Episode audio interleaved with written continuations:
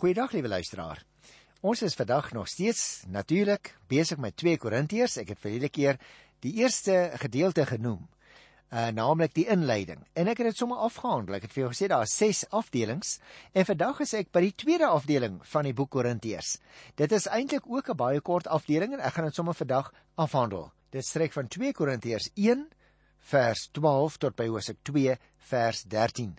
En ek het 'n kort opskrifie bo aangesit plus mense, maar ek gaan nou-nou met jou daaroor gesels want eers vertel Paulus vir ons so ietsie van sy reisplanne. Is interessant. Kom ons lees vers 12. Daar is een ding waarop ons trots is. Ons gewete verseker ons dat ons oor die algemeen en teenoor julle in besonder opgetree het met die openhartigheid en eerlikheid wat van God kom. Daarin is ons nie deur die wysheid van mense gelei nie, maar deur die genade van God.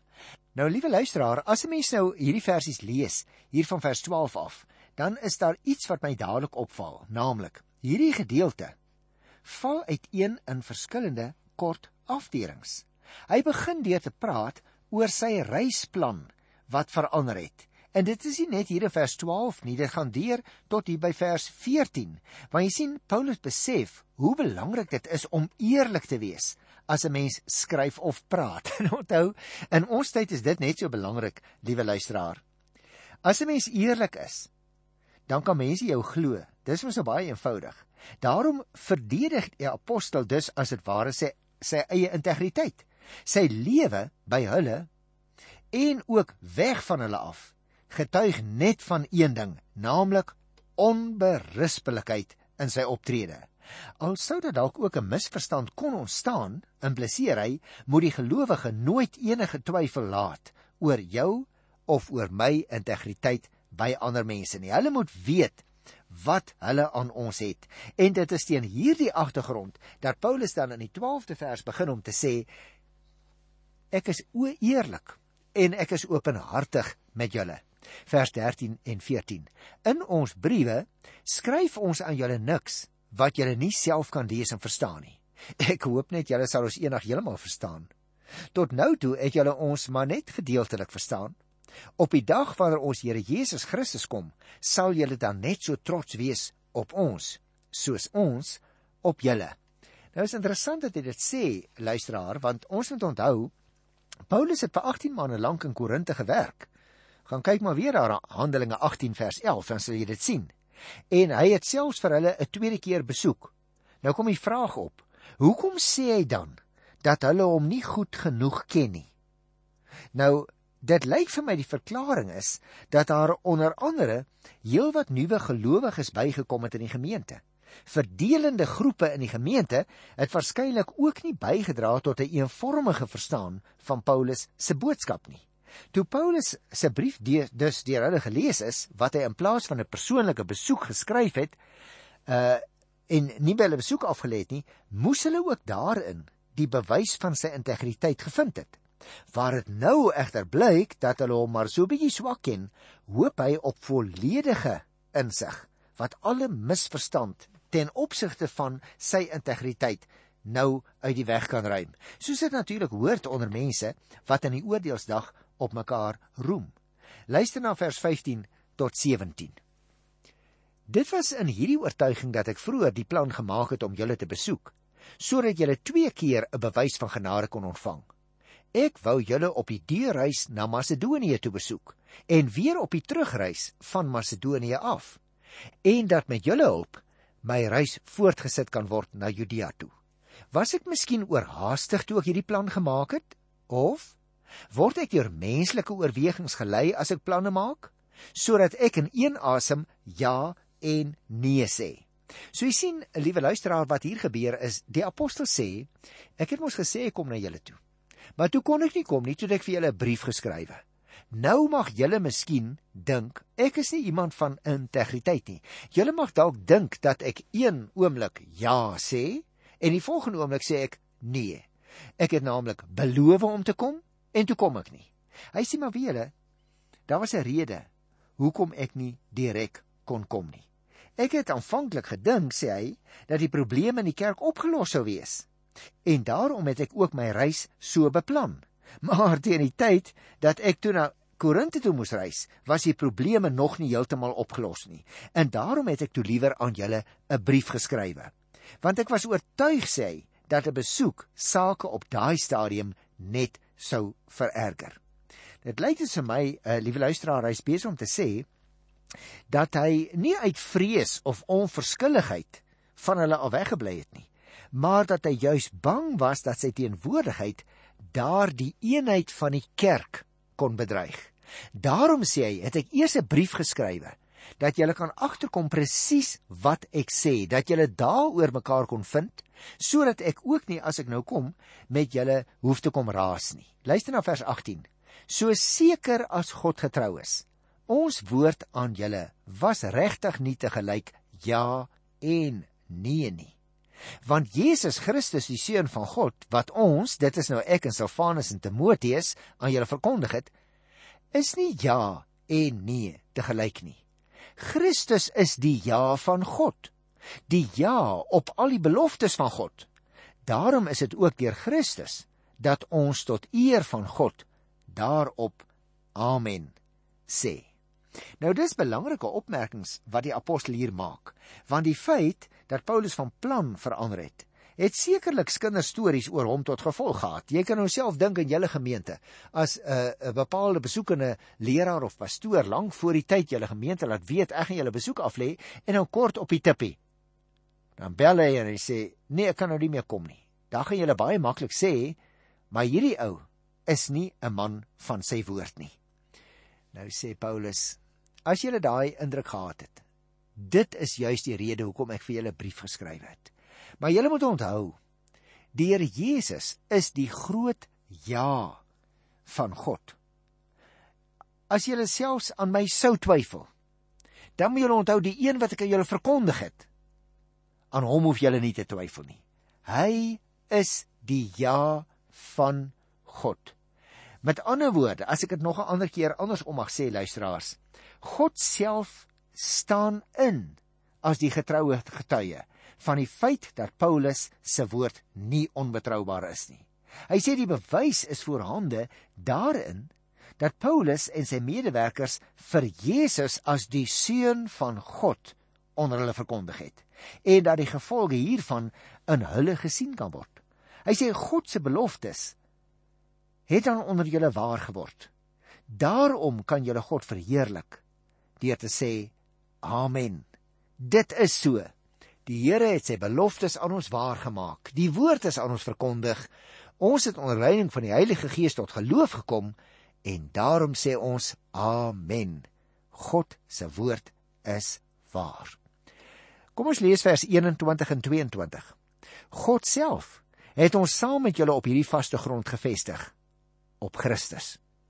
God het ons vir hom afgesonder ons as sy eiendom beseël en die Heilige Gees in ons harte gegee as waarborg van wat ons nog sal ontvang. Jo, luisteraar, dit is my ongelooflike wonderlike woorde hier. Hy sê God gee aan die Christen die versekering dat jy en ek as Christene eiendom is van God. Die Heilige Gees bevestig dit. Ons kan dit so verstaan dat die gelowige deur die Heilige Gees reeds die eerste paemente ontvang het van die groot erfenis. En daarom sê Paulus om twee redes dat die Heilige Gees die waarborg is van wat hy sê van wat ons nog sal ontvang. Die Heilige Gees is byvoorbeeld ons waarborg van verlossing. Kom ek sê dit so, liewe luisteraar. Die Heilige Gees is beloof Handelinge 2 vertel vir ons die Heilige Gees is uitgestort. Jy en ek ervaar dit. Want 1 Korinte 3 vers 16 sê die Heilige Gees woon in ons. Die Heilige Gees is dus die waarborg van wat ons ook nog verder gaan ontvang. Dit is wonderlike wonderlike woorde. Paulus sê om dit net saam te vat, diegene wat op God vertrou, het die versekering dat hulle deur God as sy eiendom gemerk is. Daarom gebruik hy die woordjie beseël. Ons is deur die Heilige Gees beseël. En as waarborg van wat ons nog sal ontvang, is die Heilige Gees as dit ware die eerste paaiement van wat die Here van ons nog verder gaan gee. En nou kom hy by vers 23 en 24 en sê ek roep God tot getuie en staan met my lewe daarvoor in. Dit was om julle te spaar dat ek toe nie na Korinte toe gekom het nie. Ons wil nie as heersers voorskryf wat julle moet glo nie. Julle staan immers vas in die geloof, maar ons wil medewerkers wees om julle geluk te bevorder. Die apostel sê vir hulle: "Julle daar 'n gemeente moet weet. Julle was sekerlik teleurgestel toe ons nou nie kom nie. Maar die rede vir die verandering van my verreisplan gaan eintlik terug op 'n vorige besoek wat op 'n pynlike stryd uitgeloop het. En nou wou ek nie 'n herhaling daarvan hê nie. Daarom het ek nou hierdie brief. En luisteraars, dit is nou die brief wat verlore gegaan het vir ons. Ek het vir jou gesê daar's twee briewe wat verlore gegaan het. En daarom hierdie brief waarna die apostel nou verwys, is een van die wat vir ons verlore gegaan het. Daarom praat ons soms daarvan as die tranebrief. Daar is ook mense wat sê 'n mens het 'n stukkie van haar brief hier in 2 Korintiërs van Hoofstuk 10 tot by vers 13. Maar dit is nie finaal duidelik of dit so is nie. Die punt is, die bedoeling van die brief was om hulle sy oorweldigende groot liefde te laat besef. Nou wil ek myself onderbreek voordat ek die laaste paar verse van die hoofstuk behandel want ek het vir jou gesê ek wil graag met jou gesels so 'n bietjie oor wat ek noem plusmense. Nou luisteraars, daar is seker baie mense in hierdie wêreld wat jy en ek sou kon noem hulle is minusmense.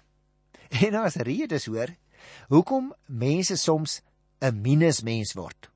Miskien is ken jy so iemand wat baie persoonlike probleme het. En as jy by daai ou nou kom, dan praat hy net aan mekaar oor daai probleme met jou. Miskien is hy iemand wat finansiële probleme het. Hy praat dikwels daaroor. Miskien is hy iemand wat jy ook al gehoor sê het, ek het vandag 'n afdag. Nou die probleem is, liewe luisteraar, as 'n mens net altyd oor jou persoonlike goed praat, oor jou finansies kla, elke dag vir ander mense sê, "O, oh, dit is maar vandag my afdag," dan verander jy naderhand in 'n minusmens. 'n minusmens, né? En die hartseer van 'n minusmens is niemand hou van so 'n mens nie, want jy's altyd negatief. Jy's 'n regte ou genis. Jy belemmer altyd die pret. Ek hoop nie daar's iemand wat na ons program luister wat 'n minusmens is nie. Ah, aan die ander kant wil ek jou sê, dan is vandag se program net vir jou bedoel. Want 'n vandag se gedeelte sê die apostel Paulus vir ons 'n minusmens kan verander in 'n plusmens. Want jy sien, die Here Jesus het gekom om deur hierdie minusteken 'n regop streepie te sit, sodat die minusteken 'n plusteken word. Ek wil sommer vir jou 'n simbool gee. Miskien het jy nog nie so daaroor gedink nie. Het jy al daaroor gedink? As jy kyk na die kruis van die Here Jesus Christus, 'n dwars gedeelte, die arms gedeelte en dan die regop gedeelte van die kruis. En wie wat? Dis mos nie net 'n kruis nie. Dit is mos ook 'n plusteken. Dis presies wat die apostel Paulus hier sê in hierdie gedeelte as kom reg verstaan. Christus is God se ja vir jou en vir my. Selfs al is jy en ek minus mense as gevolg van die sonde, dan het Christus wat in ons lewe ingekom het, ons verander tot plus mense. En ons het dit nie verdien nie. Dis omdat die Here Jesus in ons lewe ingekom het.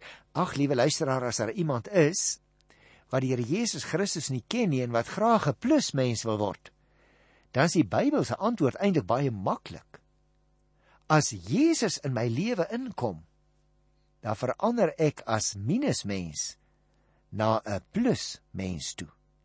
En daarom hoop ek sal jy na vandag se program die simbool van die kruis onthou.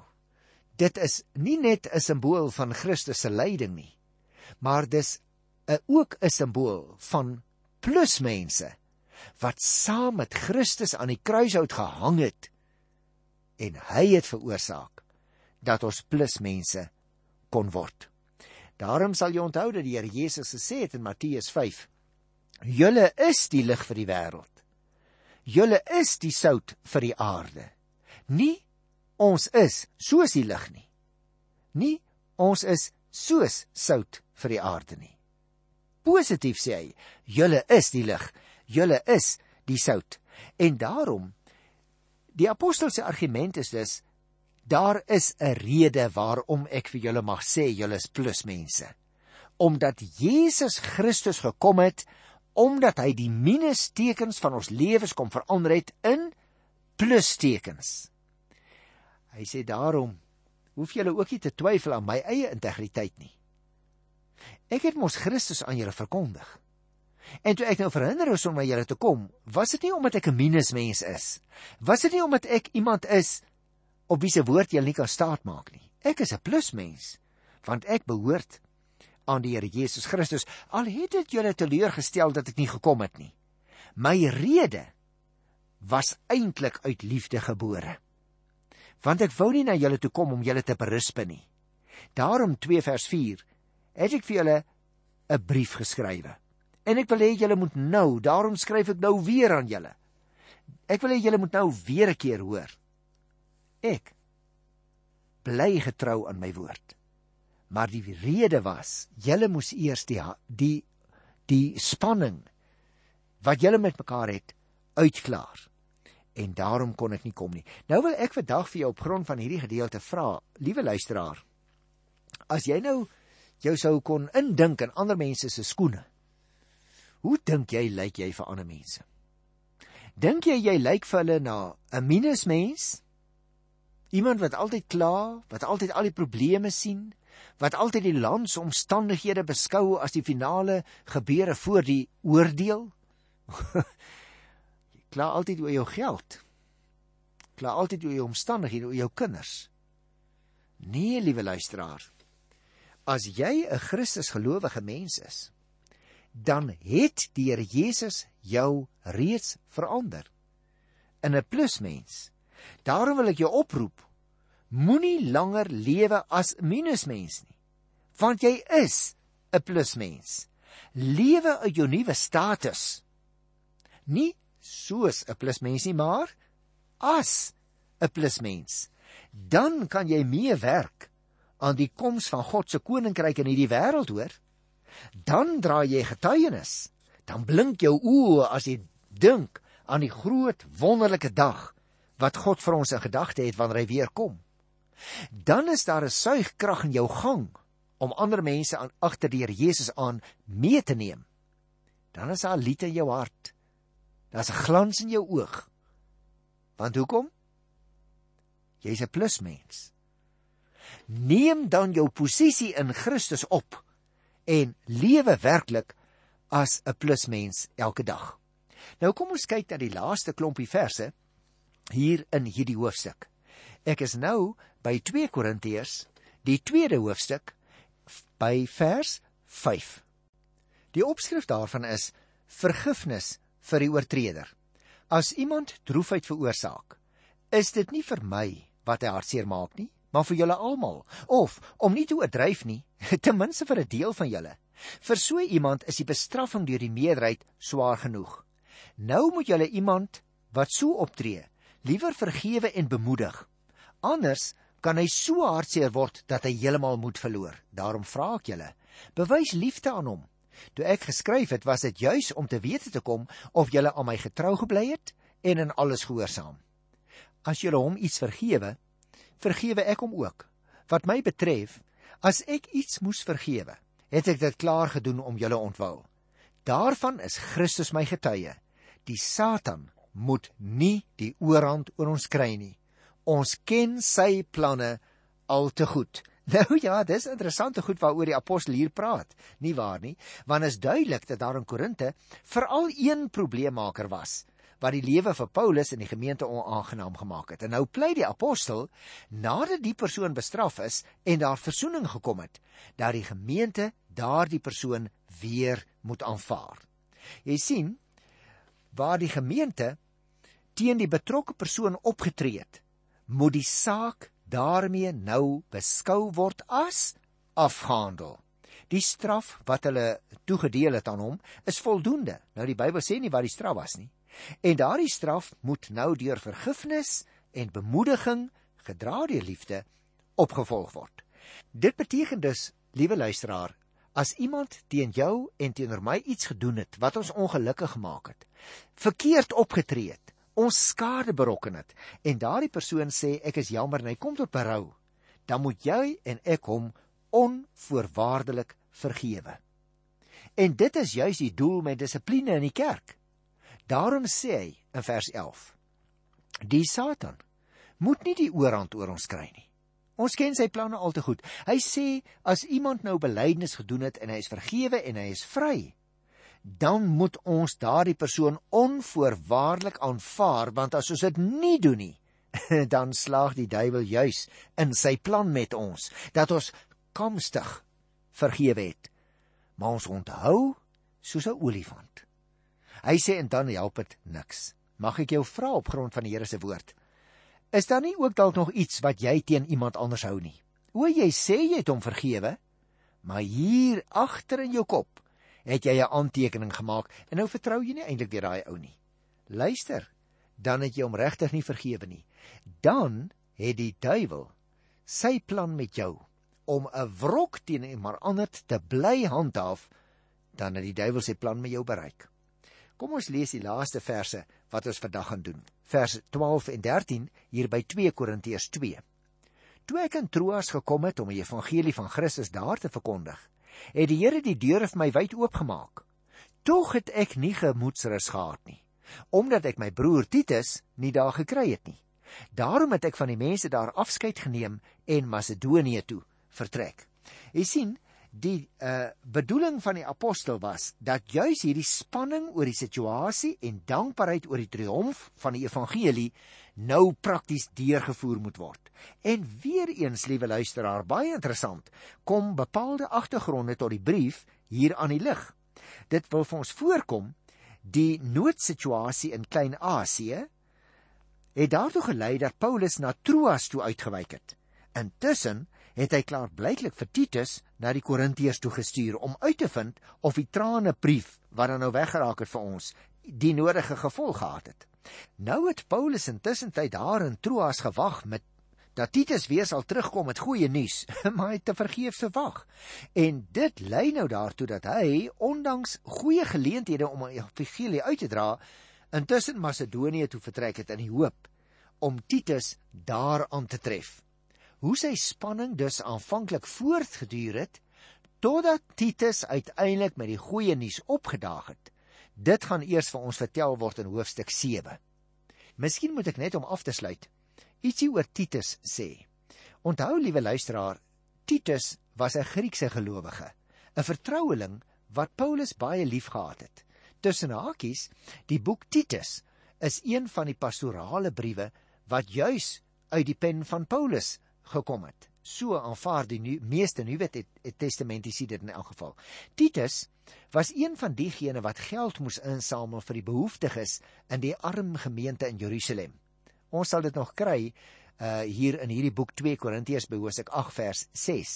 En dit was dan ook Titus wat die brief waaroor Paulus so hartseer is dat dit weggeraak het aan die gemeente moes oorhandig.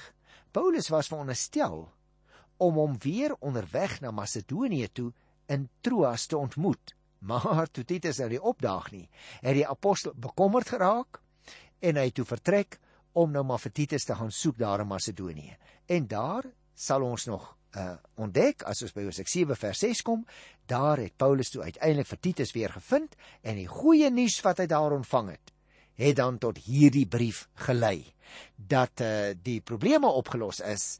Hulle die ou wat die moeilikheid gemaak het, uh bestraf en Paulus moedig hulle nou maar net op hierdie punt aan om te sê aanvaar hom as dit ware asof hy nooit gesondig het nie. En ek dink dit is 'n wonderlike, lekker positiewe noot waarop ons ook kan eindig vir vandag en dat jy en ek by hernuwing onsself kan voorneem ons gaan plus mense wees elke dag. Ek groet jou tot volgende keer in die wonderlike naam van Jesus Christus wat deur sy kruis vir jou en vir my kom verander het in plusmense. Tot dan. Totsiens.